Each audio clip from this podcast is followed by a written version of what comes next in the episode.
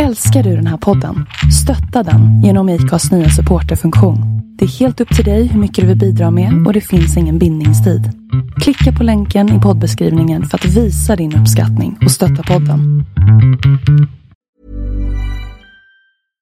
Hiring for your small business? If you're not looking for professionals on LinkedIn, you're looking in the wrong place. That's like looking for your car keys in a fish tank. LinkedIn helps you hire professionals you can't find anywhere else, even those who aren't actively searching for a new job but might be open to the perfect role. In a given month, over 70% of LinkedIn users don't even visit other leading job sites. So start looking in the right place. With LinkedIn, you can hire professionals like a professional. Post your free job on linkedin.com slash people today. Millions of people have lost weight with personalized plans from Noom. Like Evan, who can't stand salads and still lost 50 pounds. Salads, generally, for most people, are the easy button, right? For me, that wasn't an option. I never really was a salad guy. That's just not who I am. But Noom worked for me. Get your personalized plan today at Noom.com. Real Noom user compensated to provide their story. In four weeks, the typical Noom user can expect to lose one to two pounds per week. Individual results may vary. Ja men om man jämför hur det gick för mitt konto jämfört med de andras, då är det ju jättestor skillnad. Jag tror att jag ungefär eh, dub, ungefär fått dubbelt eller tre gånger så många följare kvar som de andra kontona. Och det handlar ju om att jag gjorde jobbet innan och jag gjorde jobbet under tiden. Mitt namn är Linda Hörnfeldt och du lyssnar på avsnitt 130 av We Are Influencers. Hanna Bergvall är opinionsbildare och löpare som använder sig av sociala medier för att nå ut med sitt budskap och sin kunskap om svensk politik. Hennes resa började som jurist inom familjerätt. Sen så tog hon en tur till Robinson där hon nästan vann och idag är hon en politisk influencer.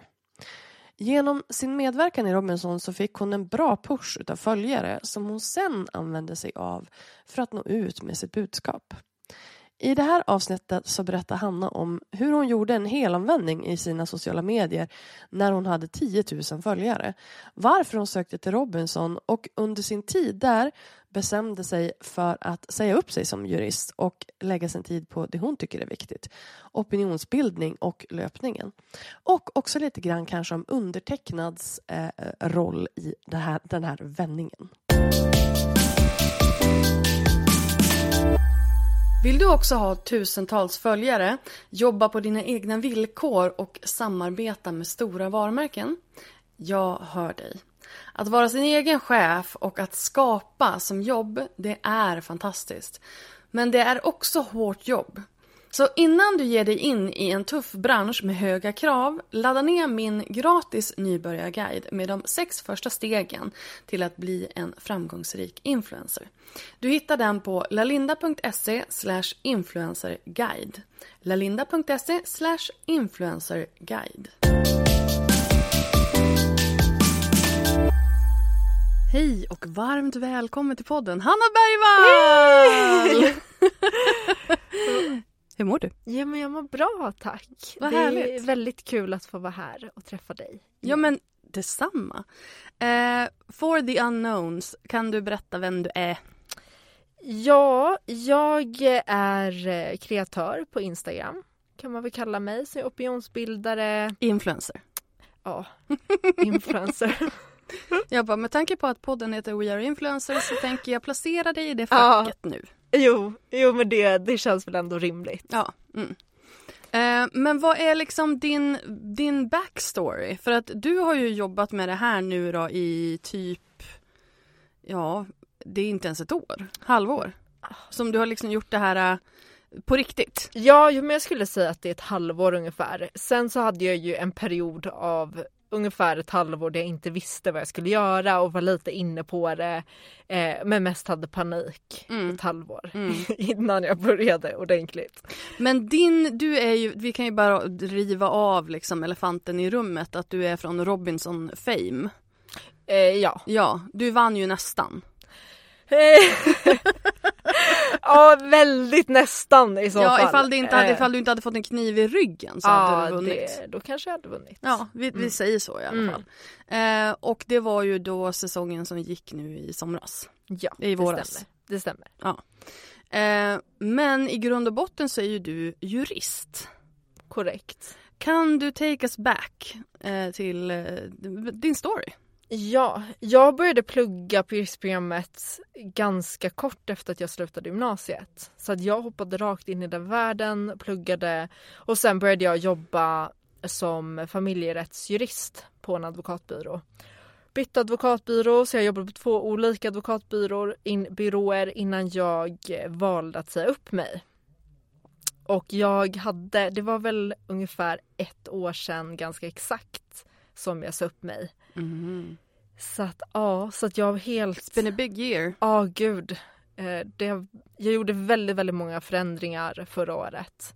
Eh, jag dumpade mitt ex, åkte på Robinson, sen kom jag hem och sa upp mig från jobbet.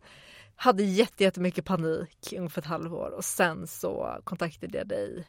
det var där någonstans du hörde av till mig. Ja, i all den där paniken och sen så, så började jag få lite fokus med vad det var egentligen jag höll på med och, och ville göra. Och vad skulle du säga är ditt fokus nu? Just nu är mitt fokus eh, opinionsbildning på Instagram och sen också löpning. Mm.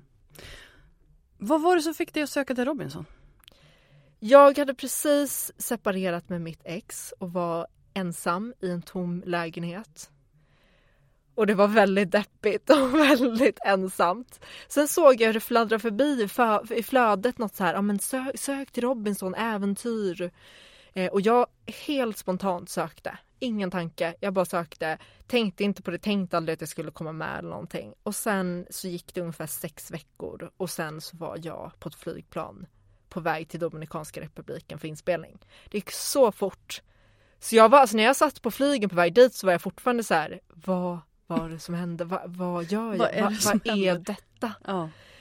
Um, så jag tror att det var väl min absoluta desperation som gjorde att de, de bara okej den här tjejen hon är på väg, she's gonna lose it, she's gonna lose it, vi tar henne, hon Gonna kommer lose her flippa. shit. Ja men det var verkligen så här, ja, den perioden var fruktansvärd. eh, Mm. För det var så jobbigt. Och jag, just det här att jag trivdes inte på jobbet heller. Jag trivdes inte, jag var precis separerad, jag var så ensam. Allt var så jobbigt. Så jag tror att de, de såg nog det. Och tänkte att det här kan bli drama. Mm. Mm. And so right they were. Du levererade ju. Ja men jag tror det. Eh, jag tror det. Jag stod nog för lite drama. Hur var, hur var Robinson?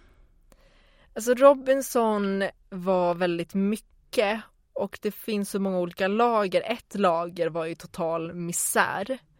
Eh, för att man var hungrig konstant, smutsig. Ja men det var verkligen alltså mi- misär. Mm. Det var ett lager och sen fanns det ett till lager utanpå det som var att det var helt underbart. Vi hade inga telefon, allt det där jobbiga, all den där ensamheten av separationen, all, allt det där var bara borta helt plötsligt. För jag plockades ut till en värld som var så annorlunda och allt som var hemma bara försvann liksom. Mm. Mm. Fanns det fler? Ja, alltså det, det finns så, jag liksom fortfarande nu idag så kan jag hitta nya lager och att jag, en sån här grej som jag tog med mig var att jag eh, ef- efter kände men det här, det här gick bra, jag klarade det. Allt det här jobbiga, jag klarade det. Och det tar jag ju verkligen med mig idag och det var det som gjorde att jag började med ultralöpningen. För att jag kände att vadå, alltså om jag kan lida i sex veckor, vadå jag kan lida i ett dygn, det är inga problem.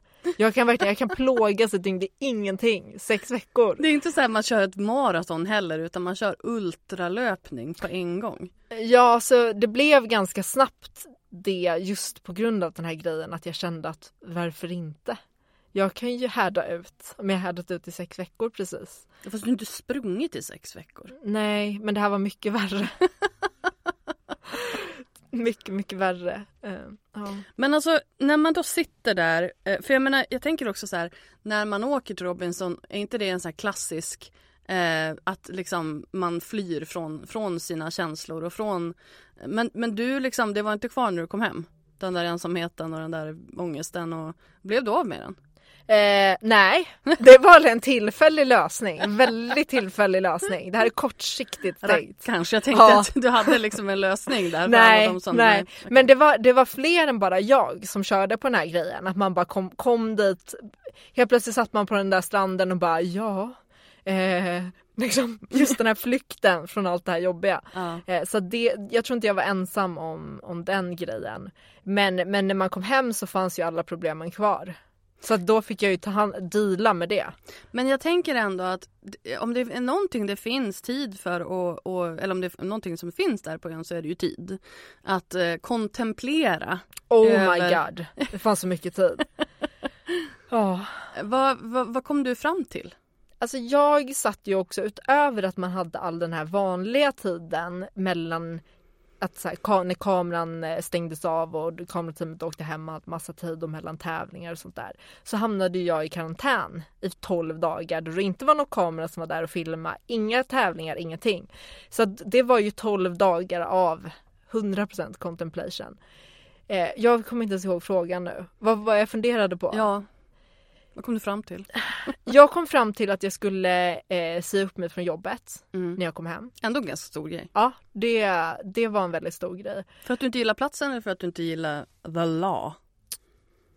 Ja men typ allt. Nej men jag, jag, jag, jag trivdes verkligen inte med min vardag. Jag Mm. kände att, ja, i och med att jag jobbade med familjerätt och vårdnadstvister så, Ja, det är tungt. Ja men det var tungt men det var också egentligen inte så mycket att det var tungt utan mer att jag upplevde att det inte blev bra för någon. Nej. Alla i en vårdnadstvist är förlorare och att hela systemet det det är liksom någonting som är fel med Mm. det. Och jag kände bara att jag bidrog till det.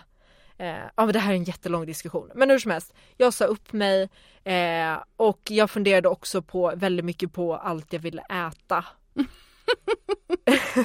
väldigt, väldigt mycket Vad på allt jag saknade du mest? jag saknade gräddsås väldigt mycket. Så min mammas grädd, gräddsås. Ja. Eh, så jag jo, skrev en lång lista med allt jag ville äta. Mm. Har du checkat av den? Eh, inte allt ännu. Nej. Den var du- väldigt, väldigt lång. Ja, jag förstår det. Du hade tid. Hur, vad har du kvar?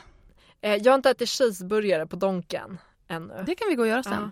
Men det som är att jag det tappade liksom suget för många av de här grejerna på listan. Eh, ja men det var grejer som liksom, ja, Man måste ha det flötigaste först. Liksom. ja men precis. Vilket du gjorde. Du, du, åt, väl pizza? Det var väl typ det första du gjorde? Första jag åt pizza. Mm. Ja. Efter, du duschade Ja, först. jag duschade sen åt Ja. jag pizza. Ja. Ja, ja men det stämmer. Ehm, men alltså, vi började ju prata. eh, du, du mejlade ju mig i typ oktober? Ja, September, något oktober sånt. någonting Ja. förra året. Eh, och bara hej kan du hjälpa mig? Ehm, och, och, och det som lockade mig, för då visste ju inte jag att du hade varit med i Robinson. Det, hade inte, det sa ju inte du till mig från början. Eh, så, men det som lockade med mig, lockade mig med dig var ju att du hade ju en etablerad publik. Du hade ju över 10 000 följare. Som du ändå liksom har skrapat ihop Mm. på något vis. Men du kände dig väldigt vilsen och visste inte vart du ville med de här personerna. Och det tyckte jag ju var spännande för du, uppenbarligen har du gjort någonting rätt när du har byggt upp ett så stort konto. Men sen så ville du ju liksom ändra, ändra riktning på det där. Och sen när vi då pratade då berättade du att du skulle vara med i Robinson och det här skulle då vara premiär i mars. Ja men något sånt. Ja, och då hade vi typ så här fem, sex månader på oss att lägga grundjobbet för att vi visste ju att då skulle du få liksom en, en att det skulle komma publik. Mm. Så. Eh, och då la vi liksom en grund. Eh, vad, vad var det som fick dig att ta det beslutet att så här, nu, nu vill jag inte göra, nu vill jag liksom, jag vill få en ny start här. Det började med, jag, det här tror inte jag berättat för dig, men jag gick ju först hos en annan coach innan. Som var, det var inte någon sociala medier coach utan jag, jag gick nog så här tre eller fyra samtal hos en ehm, ja, men karriärscoach. För, Ah. så att, för jag hade ju ingen aning, jag var helt, jag hade ingen aning vad jag ville men den här personen fick mig ändå eh, till slut att komma på själv att nej, men jag har ju, jag har ju min, min publik på Instagram och eh, det, jag vill ju hålla på med det och det, finns, det öppnar ju så många olika dörrar och det finns så mycket man kan göra kring det. Mm. Så att jag började där eh, och när jag kom fram till det så var jag så här okej jag eh, det stod, någonting står inte rätt i mitt konto för jag vill inte skriva. Jag vill inte interagera med min publik, jag vill inte ha någonting med det här att göra. Så någonting stämmer inte och då kände jag så här, okej jag måste ge det här en ordentlig chans innan jag bara stänger mitt konto och gör något annat som jag inte visste vad det var. Nej. Och då läste jag din bok Mm. först. Mm. Mm. och så tänkte jag att eh, det här verkar ju väldigt bra. Här, hon den här Linda, hon verkar Hon har lite koll. hon har lite koll, hon verkar bra på det här. Och sen skrev jag till dig, Mm. ganska desperat meddelande. Ja. Det var rätt desperat. eh, och ja, Och, och, sen, och resten är historia. ja men typ. Och vad, vad, för, för, så här, för det du gjorde innan, du skrev ju väldigt mycket om ätstörningar. Mm. Eh, och din egen eh, ätstörning. Och varför ville du inte fortsätta med det? Jag började ju mitt konto när jag hade en ätstörning Mm. och då skrev jag om ätstörningen också när jag gick i behandling mot att bli frisk. Och sen så efterhand så skrev jag om att vara frisk i ätstörningen. Men det som till slut hände var att jag nästan höll kvar mig själv i ätstörningen genom att ständigt prata om den. Mm. Och jag kände ju att jag var inte, jag var inte intresserad av att prata om ätstörningar längre på Nej. det sättet. Jag har ju gått blir- vidare. Ja precis och det blir ju kanske lite så här ältande och ganska destruktivt för dig att, att behålla kvar dig själv i, i det där. Ja men verkligen, verkligen. Det var det, det var det jag upplevde och till slut så blev det att jag nästan aldrig postade mer Nej. på Instagram för att jag kunde inte riktigt förmå mig och det var inget kul. Och så jag kände att på något sätt måste jag helt, helt byta riktning. Och vad blev liksom vändningen i det där då? Det blev ju våra samtal. Men jag, för, jag försöker ju inte toot my own horn here. Kan du liksom... Nej men, men det var Vad kom ju... vi fram till? ja. Nej men det var ju att du dels fick mig att förstå att så här, man kan byta eh, nisch Mm. och sen praktiskt så här, vad är det jag behöver göra för, att, för att göra det. Eh, att, att ge mig, du gav mig de verktygen för att jag skulle kunna göra den förändringen. Och sen passade ju väldigt, det passade ju väldigt bra att göra den förändringen i och med att jag visste att jag skulle få folk som kikade in på mitt konto i samband med Robinson. Mm. Så då blev ju frågan att eh, man skulle, jag skulle ha allting klart så att de som kom in visste vad de skulle få och att inte Exakt. det då var om ätstörningar. Nej, för då exakt. får jag fel Vad publik. vill du vara känd för? Ja, Vad är det du vill prata om? ja. Och någonstans så, ehm, för, för det jag sa till dig också det, då, det var ju det här att när du kommer byta inriktning så kommer du tappa följare. Mm. Och du, det var ju mer än ett samtal vi hade Oh. då, du, då, då du bara såhär, men jag tappar bara följare, jag vet inte vad jag ska skriva, det är inget kul. Jag Ja. tappar bara följare och jag bara, men jag sa ju att du skulle Ja. göra det. Det är väldigt många, men hallå jag sa ju det här. Är bara, det är så här, ja. Men det är klart att det är så, det är klart att Ja. det är skitjobbigt att se att det rasar följare. Mm. Men, men så är det ju när man byter riktning så kommer det ju ske innan de här nya personerna som har insett att vänta, det hon pratar om det här, det vill ju jag lyssna på. Innan de hittar till, Mm. ditt, till ditt konto. Så det var ju liksom en övergångsperiod där. Ja men verkligen, det var det. Och jag menar jag märker ju också att det har tagit väldigt lång tid för mig att hitta formen för vad jag vill göra, alltså hur jag vill göra det. Mm. Och att man på något sätt växer in i det, hur det här ska se ut och så. Och då är det ju så att man tappar ju folk på vägen. Eh, och det, det får man liksom köpa som en del av, del av konceptet. Mm. Det går inte att tvinga någon att vara kvar. Nej, speciellt inte om du inte ger dem det de kom för. Mm. Jag menar om du slutar prata om det som de började, började följa dig på grund av, då är det ju rimligt att man kanske att man eh, lämnar. Men ska vi ju tillägga, de flesta var ju kvar. Ja, det var de. Och Eh, varför tror du att de var det? Nej men jag tror dels att jag började ju skapa bättre content än vad jag hade gjort innan. Visuellt snyggare och innehållsmässigt. Ja, för det måste vi också prata om att du tog ju faktiskt in en, eh, en eh, designer. Ja, alltså min tanke var så här och det, det var ju på du som är smart som kom på att jag kunde göra det. Nej men alltså min tanke var så här. smart. Jag insåg att jag har väldigt, väldigt mycket jag vill, jag vill säga. Jag har så mycket åsikter och jag har så mycket tankar och jag vill och nu får jag värsta möjligheten. Folk Mm. kommer komma in på mitt konto. Då är det väl Liksom, jag vill ju ta den möjligheten, ta, beakta den Mm. och göra allt jag kan för att bygga en så stor publik som möjligt. Jag kan ibland känna att folk typ inte vill erkänna att de vill bygga en stor publik. Nej, de vill bara att det ska råka ha hänt. Ja, Och det här, det här stör jag mig på. Jag vet att ni som lyssnar är många som också stör er på det. När det kommer eh, influencers, både på den här podden men även annars, som säger att nej men jag vet inte vad som hände. Helt plötsligt hade jag jättemycket följare och, så, gud. och hoppsan hejsan, det var inte meningen och jag ville aldrig bli en influencer och sådär.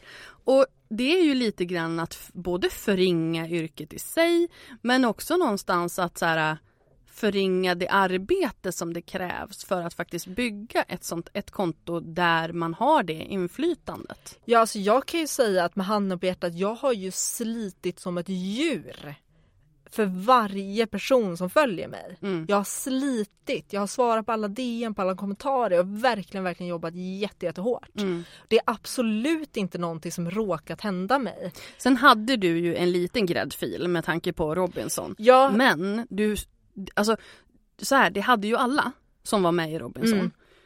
Hur många av dem har stora konton idag? Ja men om man jämför hur det gick för mitt konto jämfört med de andras, Mm. då är det ju jättestor skillnad. Jag tror att jag Jättestor ungefär eh, dubb, ungefär fått dubbelt eller tre gånger så många följare Ja. kvar som de andra kontona. Och det handlar ju om att jag gjorde jobbet innan och jag gjorde jobbet under tiden.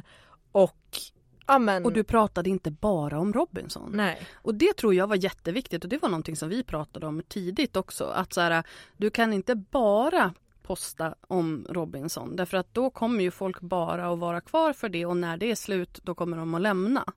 Utan du måste ju också visa vem du är utanför det och vad du har att säga. Mm. Samtidigt som du såklart också ska liksom lean in till, till det faktum att folk kommer in på ditt konto för att de tycker att det är lite spännande att se vad som händer bakom kulisserna. Mm. Och det hade ju du en jättebra lösning på. Ja, så vi, vi hade ju jobbat fram en strategi för det här att just att ha blanda content så att dels alla Robinson-intresserade kommer in men också som du sa visa det andra jag har så det var ju väldigt väl uttänkt från början. Eh, sen hade ju jag, jag det här med att visa lite behind the scenes grejer som folk tyckte var väldigt kul och sånt där. Det var ju svinkul. Det, det var kul, det var väldigt kul att göra också. Eh, så det, det kan jag sakna. Det var ju det roligaste att Ja. se liksom vad som hände på den här coronastranden när, när, när de andra kamerorna inte var där. Typ att ni gick omkring nakna hela gud, tiden. Och sen också att det dök upp turister på eran bajsstrand.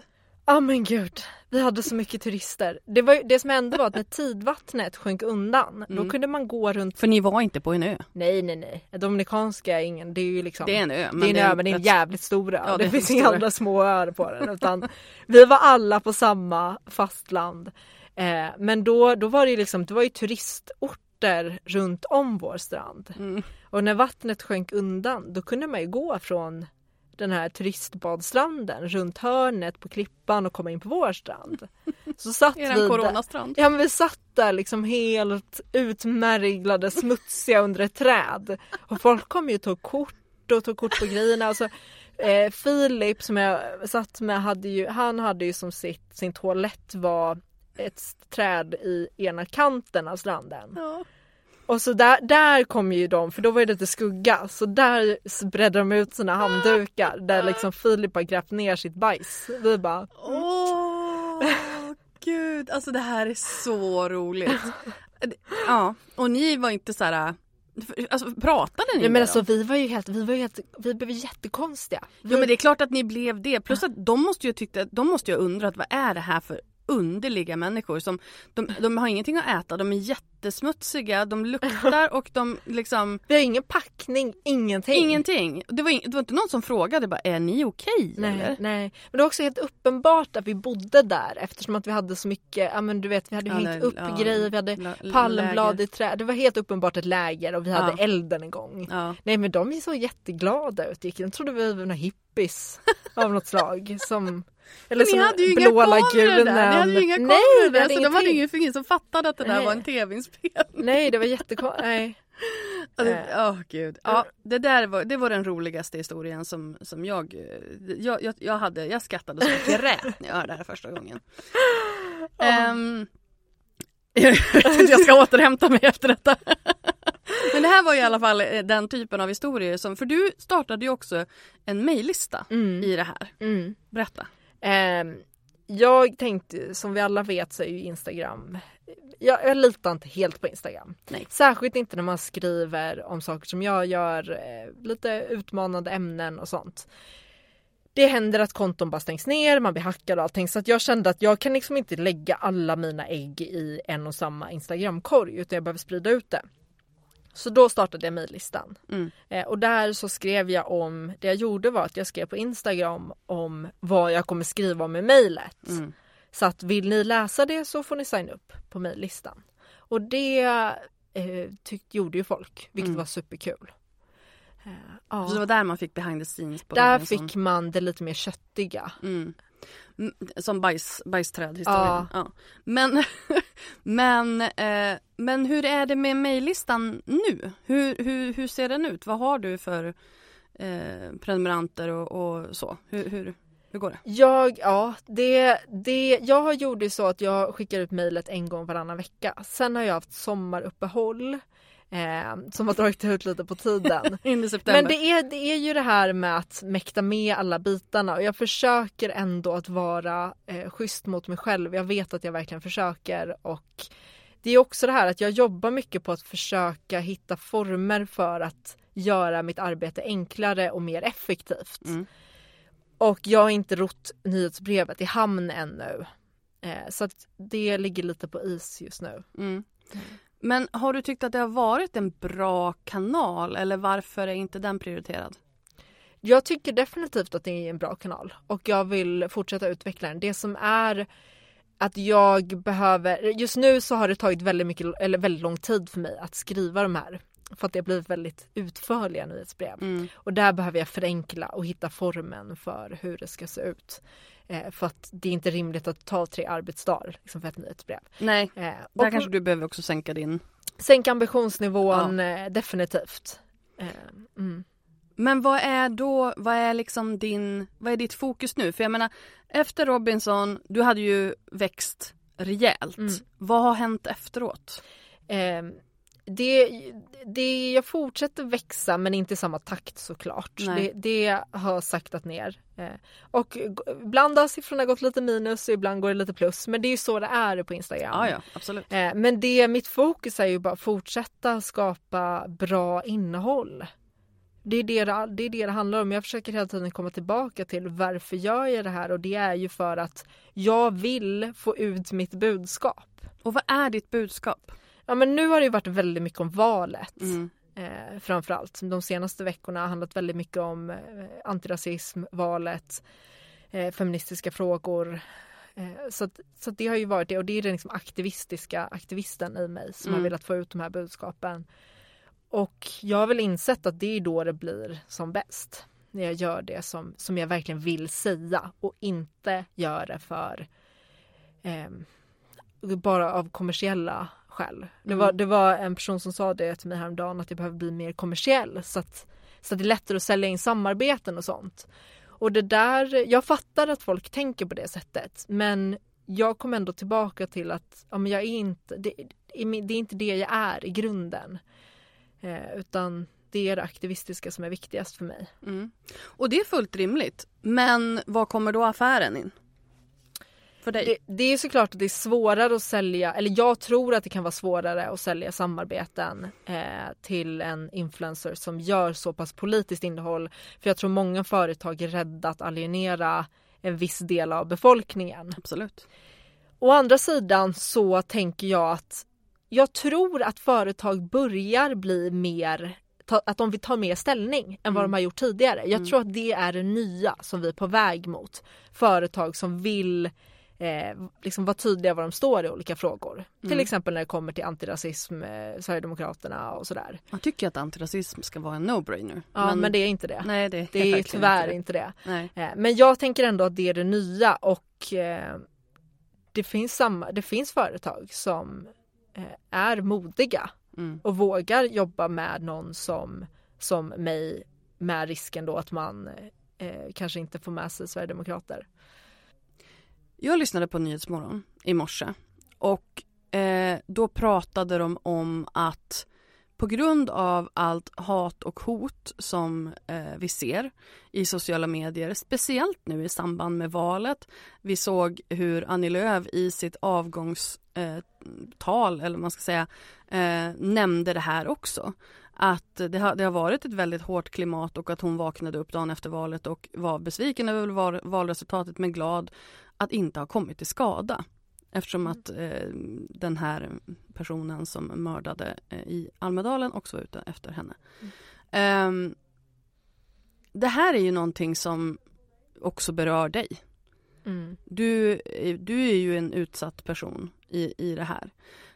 Um, de pratade mycket om att unga inte vill bli politiker på grund av det här. Um, men det, är ju, det här gäller ju också aktivister mm. såklart. Mm. Hur, hur ser den här situationen ut för dig? Det är sånt här som går i vågor men det, det är fruktansvärt verkligen att det ska vara så som det var för, för Annie Lööf att hon, det handlar om hennes liv. Mm. Eh, så här har det ju varit väldigt, väldigt länge eh, sen jag började. Jag, jag började med eh, politiskt engagemang när jag var kanske 17-18 eh, och så har det idag, det är ju, nu är det ju tio år senare och det är exakt likadant idag. Eh, så det går, det går lite vågor. Jag, jag, tycker det är svårt att säga om det har blivit värre eller inte. Jag tror nog inte att det har blivit värre utan jag upplever det som, för mig åtminstone, så har det varit konstant. Ehm, eh, men det är klart, man... Så jag har levt med det så länge att jag, det är en del av mitt, min vardag och mitt tänk. inte det bisarrt? Jo. Att det ska behöva vara det? Ja, men det är till exempel sån här grej som jag tänker typ att jag kan inte bo på bottenvåningen och sånt. För jag är rädd att någon ska kasta in någonting genom fönstret och sånt. Eh. Alltså, och, och det är ju liksom Det är ju sådana tankar som är det, Alltså det är, ju, det är ju orimligt att det ska behöva vara så. Mm. För jag, jag menar, dina åsikter är ju inte extrema på något sätt. Nej, jag tycker inte det i alla fall, men, men det tycker eh, de långt ut på högerkanten.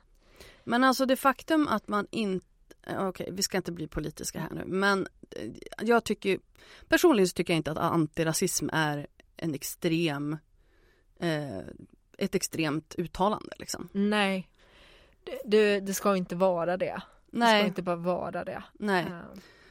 Men vad, hur ser dina inkorgar ut? Är, du liksom, är det här någonting, får man ta på sig en kevlar eh, rustning innan man går in i sina DM liksom?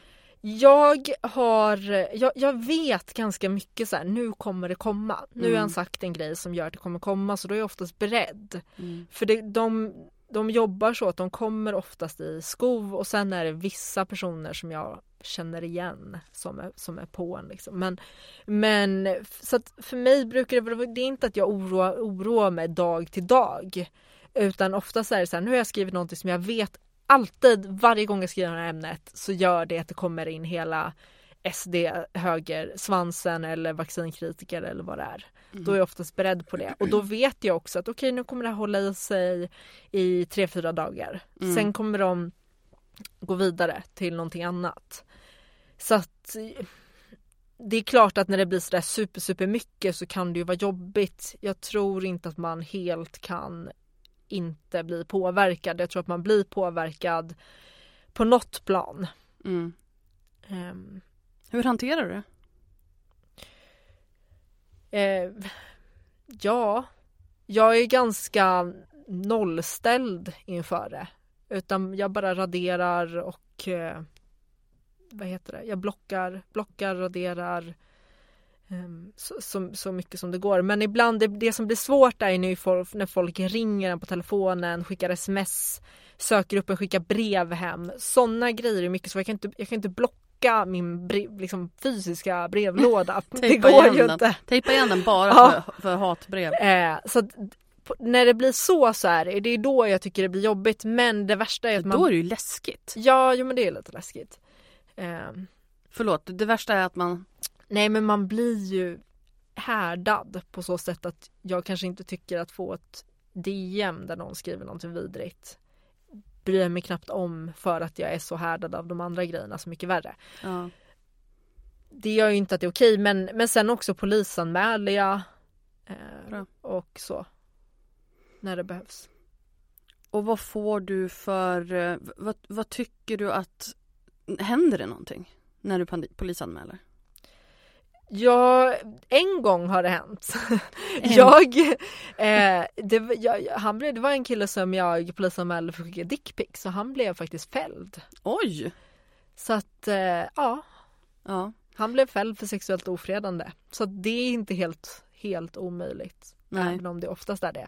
Men där är det ju med min juristbakgrund så är det för mig en självklarhet att anmäla allt sånt. Men jag tänker också så här att när det kommer i, när det är så mycket, när folk inte, för jag menar för den, för en gemene man så är det väl kanske relativt självklart att inte bryta mot lagen. Generellt. Visst, man kanske går mot rött ibland. Är det, står det i lagen att man inte får gå mot rött? Det har jag undrat. För man använder ofta det som exempel. Eller är det bara typ så här rekommenderat? Alltså det står ju inte brottsbalken men det står Nej, säkert står det då någon, någon sån här föreskrift står det säkert. Är det en lag? Lokal, eh, nej jag vet inte vad det står men det borde, Hallå juristen, kan du det- inte hela, hela lagboken? men det står säkert någonstans. Jag har också hört För att det. man inte får köra mot rött, det köper jag. Men att man inte får gå mot rött. Nej jag tror, att det, jag tror att det är olagligt. Ja, Men, men vad att bra, det, då kan jag fortsätta använda det som exempel. Ja. men det är ingen konsekvens för det. Och det är ju också ett intressant, eh, en intressant förte, före, före, företeelse. Att det finns lagar som man kan bryta mot utan att det händer något. Det finns många sådana lagar. Och det är ju, vad, vad, vad, what's the point? Då kan det ju istället bara vara liksom en rekommendation. Åh, nu, nu känner jag att nu är jag på väg in i en så här lång rant om eh, brottsförebyggande arbete och påverka liksom den allmänna rättsuppfattningen och allt sånt där.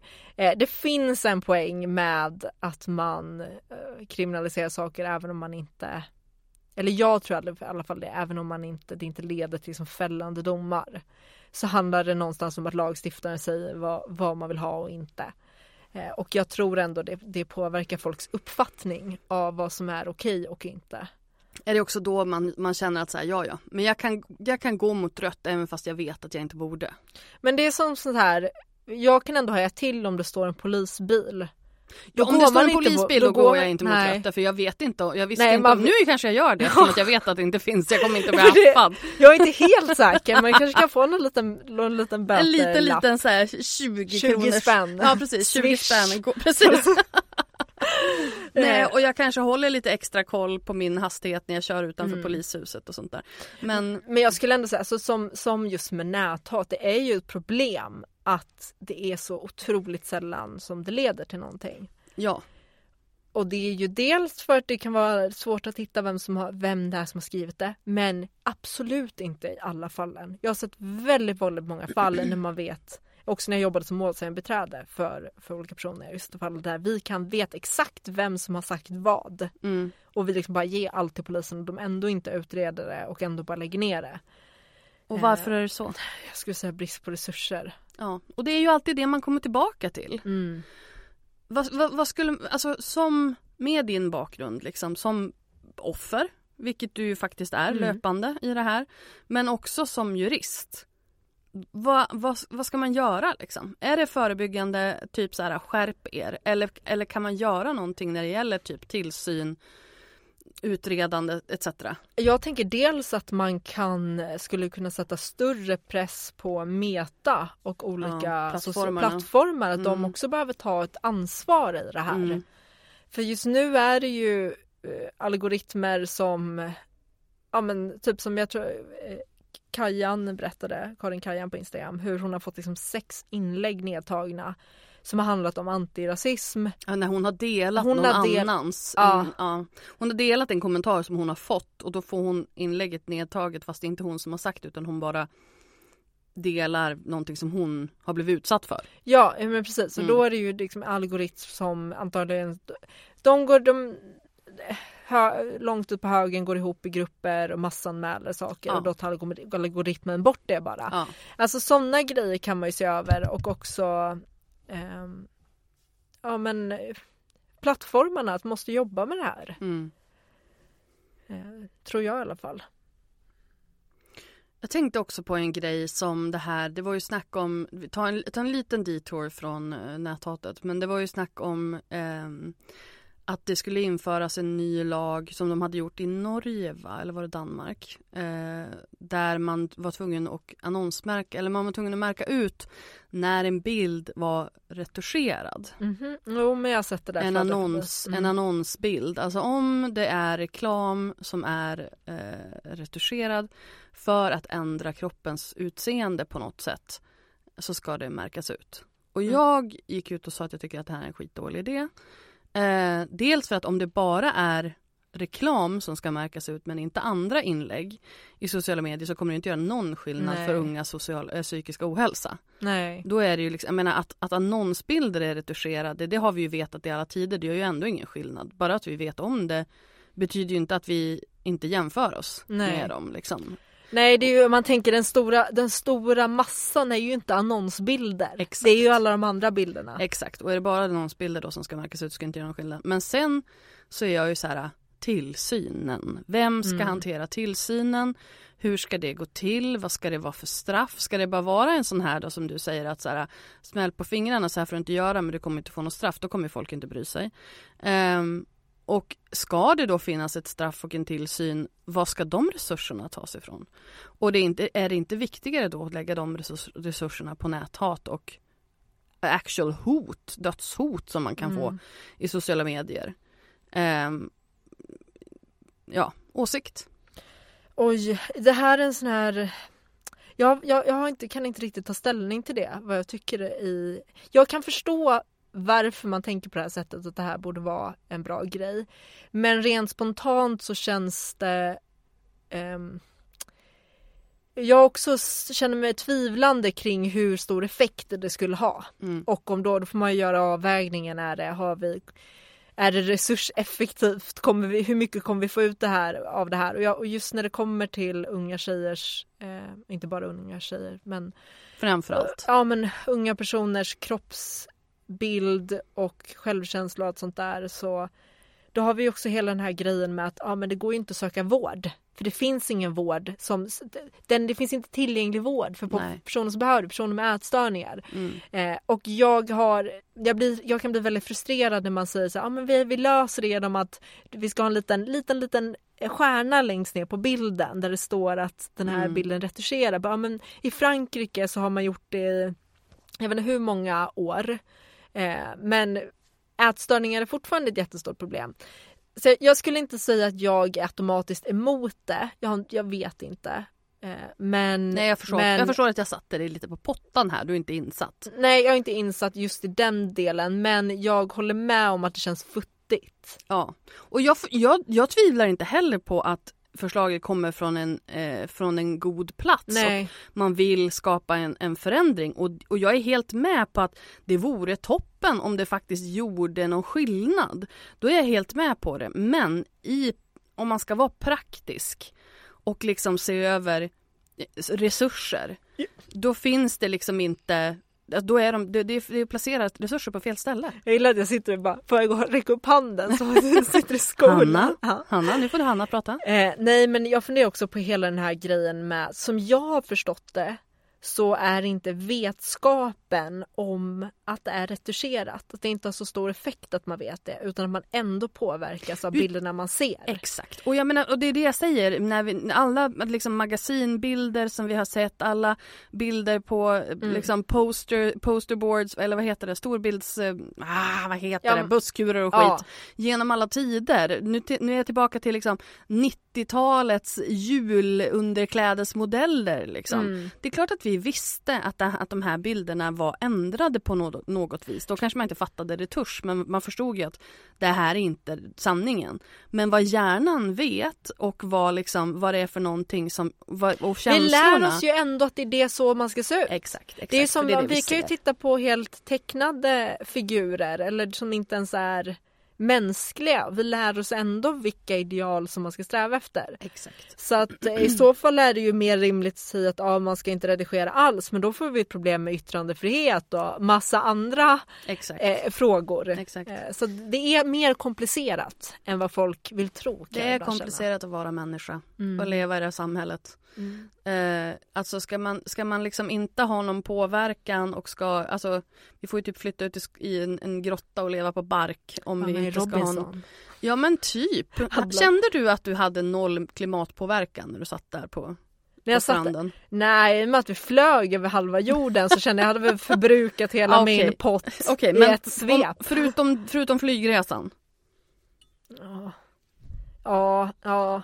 Ja men jag hade inte så mycket påverkan. Eh, förutom att jag spred ut mina små pappers, jag använde ju min bok som toapapper så det var ju fullt av nedskräpning av mina boksidor över hela stranden. Det Fast de går bra. väl ändå, det är väl ändå, en bok är väl ändå Ja. hyfsat eh, gå tillbaka till jorden. Ja, Kanske det. med lite nedskräpande bly, bläck och Ja. sånt där. Men Ja. Nej men just det här att man blev, det var ju en kläns, en rejäl kläns från sociala medier, sex Ja. veckor utan telefon. Och sen hoppade du rakt in i det och skulle Ja. ändra ditt varumärke. Mm. Ja, exakt. Men om du jämför då vart du var för ett år sedan och var du är idag. Ja, En liten reflektion. det är väldigt, väldigt stor skillnad. Väldigt, väldigt stor skillnad. Jag men jag, det känns som att den största skillnaden har varit de senaste månaderna. Där jag Mm. på något sätt hittat hem i vad är mitt arbete? Vad Mm. är det jag gör? Och hur att hitta formen för det. Men det är klart att harva runt på en advokatbyrå till att driva eget är ju, det är ju väldigt, väldigt stort, stor skillnad.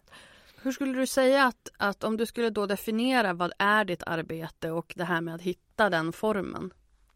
Mitt arbete har ju som två olika ben. Dels är det eh, tjäna pengar-benet Mm. eh, och sen är det att skapa innehåll som Mm. är det andra benet. Och hela att allt, ja men allt content egentligen. Och att som att vara med i poddar och nätverka och hela den biten. Det är ju ena benet och sen då att tjäna pengar-benet. Och tjäna pengar-benet eh, behöver jag ge mer kärlek till. Det är inte lika roligt som Nej, det det andra inte det. benet. Eh, och jag tenderar att stå på, på det andra och det är någonstans där min själ är. För att när det kommer till kritan så är det så här, prioritera mitt företag eller prioritera aktivism? Då gör jag aktivism. Eh, men, Men det ena, ena kan ju leda till det andra. Ja, och jag, så att jag jobbar just nu på att ge mer kärlek till, till mitt företagande. Och, eh, och det, det består i ja, men samarbeten, jag skriver i olika tidningar eh, och eh, ger, ger lite coaching. Eh, och det är någonting jag tänker jag ska fortsätta utveckla min egna coachingverksamhet. Mm. Eh, och det kommer vara riktat till löpare som eh, precis som jag, att man kanske haft en ätstörning eller har en kanske inte jättebra relation till mat och löpning och träning. Så att, att ha någon som kan guida en. Ja, det är en ganska intressant vinkel. Att gå från, från ätstörd till, eh, att, till att ultralöpa.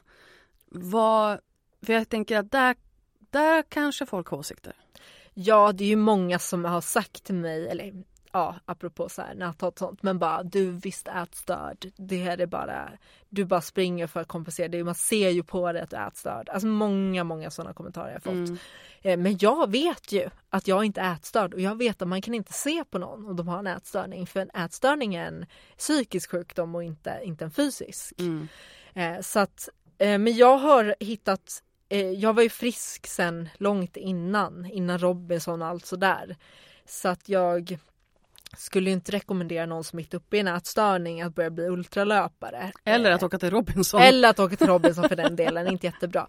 Men med det sagt så har jag haft väldigt många samtal i DM om människor som vill börja springa men tid, eller, eller göra någon annan form av träning men tidigare haft en ätstörning men inte riktigt vågar för att man är rädd att man ska trigga igång ätstörningen. Mm. Och det är där jag tänker att jag kan finnas som ett stöd också för personer som vill ta det där klivet. Men ändå vill ha någon att hålla i handen så att man inte faller dit Mm. eh, igen. Och vad, vad skulle du säga då till en sån person? Nej men dels är det så här praktiska grejer som att eh, på förhand bestämma, jag ska träna så här och så här mycket och det betyder att jag måste lägga till och äta en extra banan eller ett extra, en extra mål kanske. Eh, så det är liksom förutbestämt och att man helt klipper bandet mellan träning och mat på så sätt att eh, du, det är inte träningen som ska styra hur mycket du, du eller, hur ska man uttrycka det här rätt? Du ska äta oavsett om du tränar eller inte. Men om du tränar så behöver du äta mer. Mm. Men jag kan uppleva att vissa är ju så att så här, ja, men de känner att nej men nu har inte jag tränat så nu kan inte jag äta. Nej. Men det, det, det, det, hänger inte ihop på det sättet. Nej, man behöver fortfarande en grund. Ja, Ja. ja. Eh, och att träningen eh, står för sig. Mm. Och vad har löpningen gjort för dig mentalt? Det, jag tycker ju det är jättekul att springa. Eh, så att Alltså jag älskar när jag ställer en fråga, hela du bara lyser upp. Ja, men jag tycker det är jättekul. Jag älskar, älskar att springa och jag älskar allt runt omkring att det är ett äventyr. Exempelvis just som, som vi pratar här med maten och sådär. Så när jag går ut och springer så har jag med mig mat. Jag har med mig, ja, men jag brukar köra så här klämmisar sen för barn, eh, Mm. för det är väl lätt när man springer. Men just att det blir det här att jag ska få i mig lika mycket som jag har gjort av med. Mm. Eh, och oftast mer. Så att det är liksom, jag äter så mycket som jag bara kan i princip eh, hela tiden. Är, det, är det därför det är roligt? Eh, Nej, nej men, det, men, men bara som en så här sidogrej, för det vet jag att många kommenterar för jag brukar lägga ut bilder ibland på så här, men så här, det här tar jag med mig när jag är ute och springer och då är det oftast alltid så här, men bars och grejer. Mm. Men det är ett äventyr att springa också den typen av löpning eftersom att jag kör nästan bara traillöpning. Så är det i skogen och det är stockar och stenar och mycket teknisk terräng vilket jag tycker är jättekul. Så det är mer än att bara det fysiska eh, formen springa. Mm. Det är liksom upplevelsen av naturen och att vara i skogen och eh, ja. Vad ser du nu framför dig? Vad, vad är liksom framtiden för, för Hanna och hennes business? Nej men det är att fortsätta med det jag gör nu. Att hålla på och bara nöta på. För det är så mycket jobb och det är så många dagar som jag bara känner varför gör jag det här? Eh, nu ger jag upp men att inte ge upp. Mm. Eh, och att bara fortsätta framåt. Eh, och fortsätta nöta trots, trots liksom alla motgångarna. För det är så mycket motgångar som inte syns utåt. Eh, men att bara fortsätta. Vad, alltså för jag tänker så här, det här valet gick ju inte som du hade tänkt dig. Nej, nej. Det jag inte. Ehm, och eh, det har ju blivit eh, liksom Alltså jag skrev det här på min, på min Instagram igår att så här, polarisering på alla sätt är vårt, vår samtids största hot. Ehm, för det är polariseringen som kommer att skapa krig liksom. Eh, och det är, och det, och det har ju varit, mm, och både du och jag har bidragit till det i, under det här valet att liksom, men att man, så här, att säga att någon eh, rösta, som röstar på SD är en idiot eller eh, att SD generellt är idioter, det kommer ju inte att få någon som röstar på SD som kanske tidigare röstade på sossarna eh, att vända. Och då är ju frågan hur, hur möts vi och hittar liksom mänskligheten i varandra. För att vi har ju, de har ju röstat som de har, har gjort på grund av sina liksom mänskliga grunder. Och vi har ju gjort detsamma. Och jag tror att det är där man måste mötas liksom. För att alltså aktivism behövs och aktivism har en har absolut ett syfte. Men jag tror också att vi måste liksom mötas på något vänster. Jag tror att den, den här frågan med polarisering och hur man övertygar någon att inte rösta på SD, rösta på ett annat parti och så tror jag har väldigt många olika svar beroende på situation och person. Mm. Den jag är på, på nätet kan ju skilja sig väldigt mycket hur jag skulle ta en sån diskussion på tu man hand Absolut. i liksom ett, ett vardagsrum hemma. Mm. Eh, och jag tror ibland att folk kanske inte riktigt förstår att jag inte kör samma, samma hårda taktik Mm. alla gånger. Och jag tror att det är viktigt att man har den, den flexibiliteten. Och för mig är det ju självklart att går du fram till någon och säger du är ju helt dum i huvudet. Jag såg någon som skrev på Instagram att ni alla jävla svin som, som röstar. Så, så här, det är klart att ingen kommer ändra åsikt på grund av det. Det, nej. det, det så, så är det ju. Men jag tror mycket på att vara eh, liksom ha, ha en schysst, schysst ton och sen att fokusera på, på argumenten. Mm. Varför, varför jag tycker som jag gör och att jag tycker ju att SD är ett rasistiskt parti och jag kommer att kalla dem för ett rasistiskt parti och det här är mina skäl Mm. varför jag, Jag, gör tror att det är det. skillnad att säga att SD är ett rasistiskt parti än att säga att eh, S- alla som röstar på SD är rasister. För jag tror att det är det folk hör. Ja, alltså jag tycker ju att det är en rasistisk handling att rösta på ett rasistiskt parti. Mm. Jag tycker det. Men det kanske inte är en Men- medveten sådan. Nej, jag tror inte att varenda människa som röstar på SD tror inte jag förstår att de är ett rasistparti. Jag tror Mm. inte de har... För att grejen är så här, det räcker inte bara med att läsa igenom SDs, gå in på SDs he- hemsida och läsa igenom deras Partiprogram. partiprogram för att förstå Mm. nivån av rasism. För att förstå helheten. Också att de skriver ju på ett sätt, så de, skriver ju inte hej vi är rasister liksom. Utan de skriver ju på ett sätt som, som det ska låta bra. Så kommer man in helt öppen och liksom som ett oskrivet blad så kan jag förstå att man bara, men det här Ja men jag med, jag med. liksom- Jag fick ju hem med deras, eh, du vet, i postlådan, deras, eh, ja men du vet fem punkter. Mm. Och man bara högre pensioner och bättre det? polis och, och, ja men precis, exakt. Jag menar jag hade ingenting att säga till dem. Sen är de ju liksom mycket mer konservativa än, Mm. än vad jag är och, och, och, det är liksom den stora så.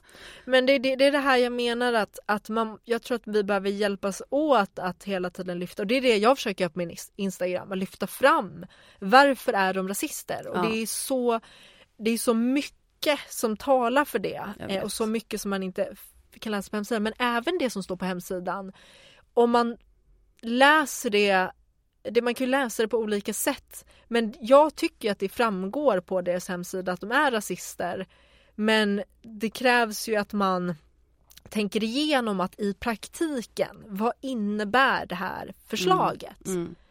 Och att man ja, men tar, tar den tiden och funderar på det för då kommer saker i ett annat ljus än vad det gör vid första anblick. Mm.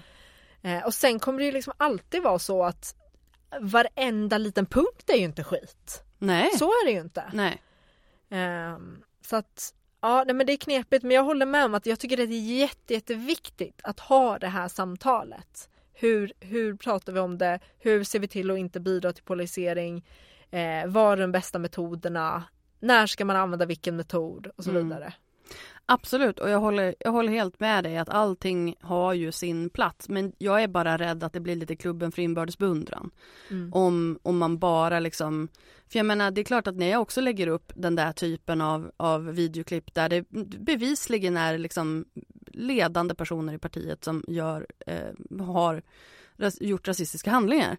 Ehm, det är klart att då är det ju de som håller med mig som kommer att eh, gilla det liksom. De som inte håller med mig kommer ju avfölja eller inte eller vara tysta. Dagen jag skrev att jag vad jag tänkte rösta på. Mm. Eh, jag under dem, jag vet inte om det var exakt den dagen men i statistiken tappade jag 600 följare av att säga det.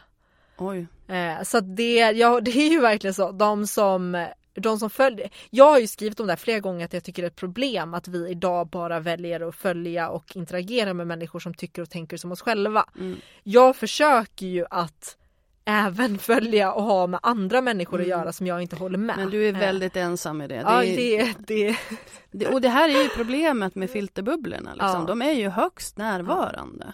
Men det, det jag skulle säga innan var ju också att det finns, jag tror också att det kan vara farligt att man på något sätt slätar över sina ord för mycket. Mm. Så att det blir på något sätt att nej men SD är inte så farliga. Att, det, att man normaliserar, det Nej, och, och det oroar är inte, mig. absolut inte Eh, så jag nej. menar. Absolut inte så jag menar. Men att man liksom kanske pratar om snarare att man inte går ut utan att man pratar med personer om man nu får en person framför sig som har röstat på SD, att man pratar om varför gjorde du det, Mm. vad, vad, vad är, du, vad är liksom dina problem i vardagen, vad är, det som, vad är det som har gjort att du har hamnat här? Liksom. 100 procent. Och ofta så handlar det ju om ja, men att, ja, men typ pensioner, eh, bränslepriser.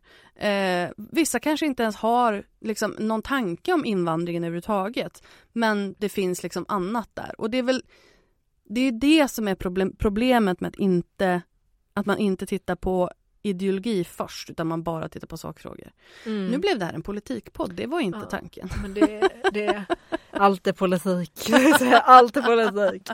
Nej men jag håller med att det, jag tycker generellt att vi behöver prata mer ideologi Ja, jag håller med. än vad vi, den här var, vi ingen har pratat ideologi. Nej. Vi har inte pratat Jo, ideologi. SVTs eh, partiledarintervjuer eh, intervjuer ja. gjorde det. Men, Men, ja, det, är det bra. enda. men det är det enda att det, det, allt är sakfrågor. Sakfrågor är också Ja. viktiga men, men jag håller helt med om att ideologin är ju någonstans det som styr också hur, hur man kommer agera i olika Ja, sakfrågor. för ingen vill ju ha liksom sämre miljö. Ingen vill ju ha sämre polis. Ingen vill ju ha, alltså du vet. ja, Vi vill, det. ja, jo, När det kommer fast, till miljö och klimat. ja, fast då- de vill ju inte ha ett sämre klimat. De är ju bara, de är, vi är ju bara inte överens om att det finns ett problem. Nej, Och att det är vårt fel. nej.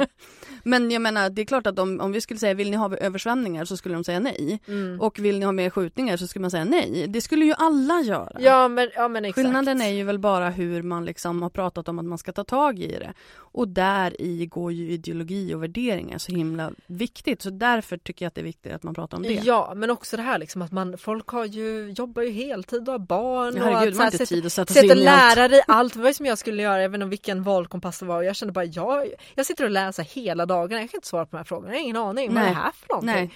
Nej. Eh, Och, och det, just då var det ju sakfrågor, jag bara ingen kan inte ta ställning till det här. Nej. Eh, men just att då är det ju och det är så här, visitationszoner. Man är så här, vad- Visit what? Exakt och man bara vad är det för någonting, vad ska man ha det till, vad ska vi... Och du vet jag har, jag har följ, I've got questions. Gud, jag har mycket tankar om visitationszoner. ja jo Eh, det kan jag tänka mig. ja.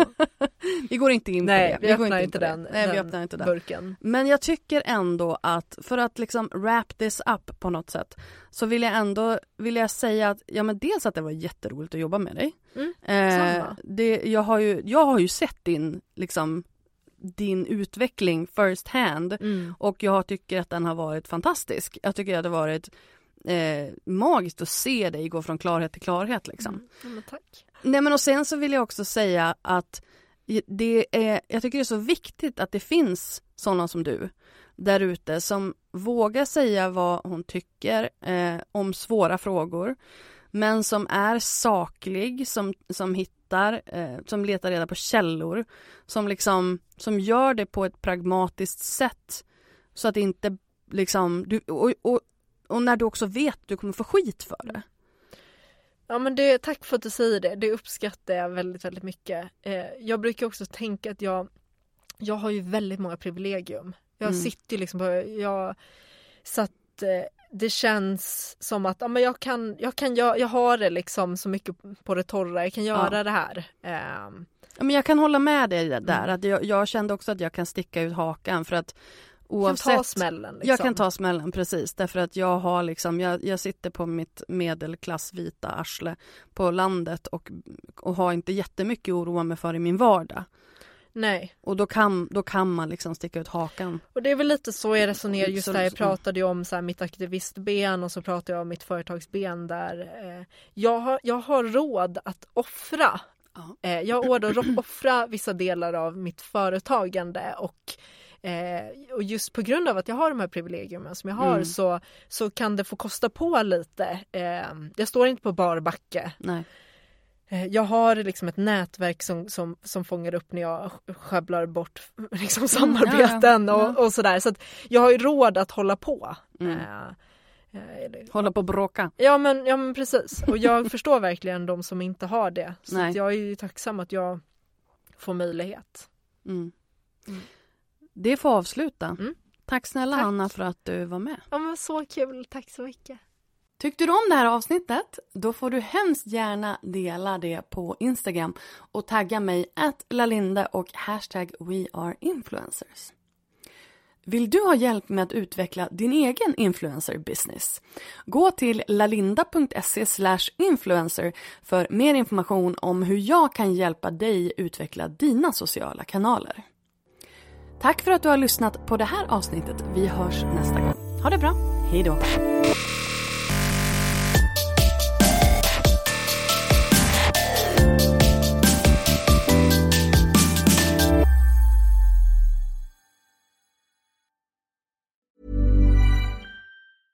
Mom deserves the best, and there's no better place to shop for Mother's Day than Whole Foods Market. They're your destination for unbeatable savings, from premium gifts to show-stopping flowers and irresistible desserts. Start by saving 33% with Prime on all body care and candles. Then get a 15-stem bunch of tulips for just $9.99 each with Prime. Round out Mom's menu with festive rosé, irresistible berry chantilly cake, and more special treats. Come celebrate Mother's Day at Whole Foods Market. Mom deserves the best, and there's no better place to shop for Mother's Day than Whole Foods Market. They're your destination for unbeatable savings, from premium gifts to show-stopping flowers and irresistible desserts. Start by saving 33% with Prime on all body care and candles. Then get a 15-stem bunch of tulips for just $9.99 each with Prime. Round out Mom's menu with festive rosé, irresistible berry chantilly cake, and more special treats. Come celebrate Mother's Day at Whole Foods Market. Target.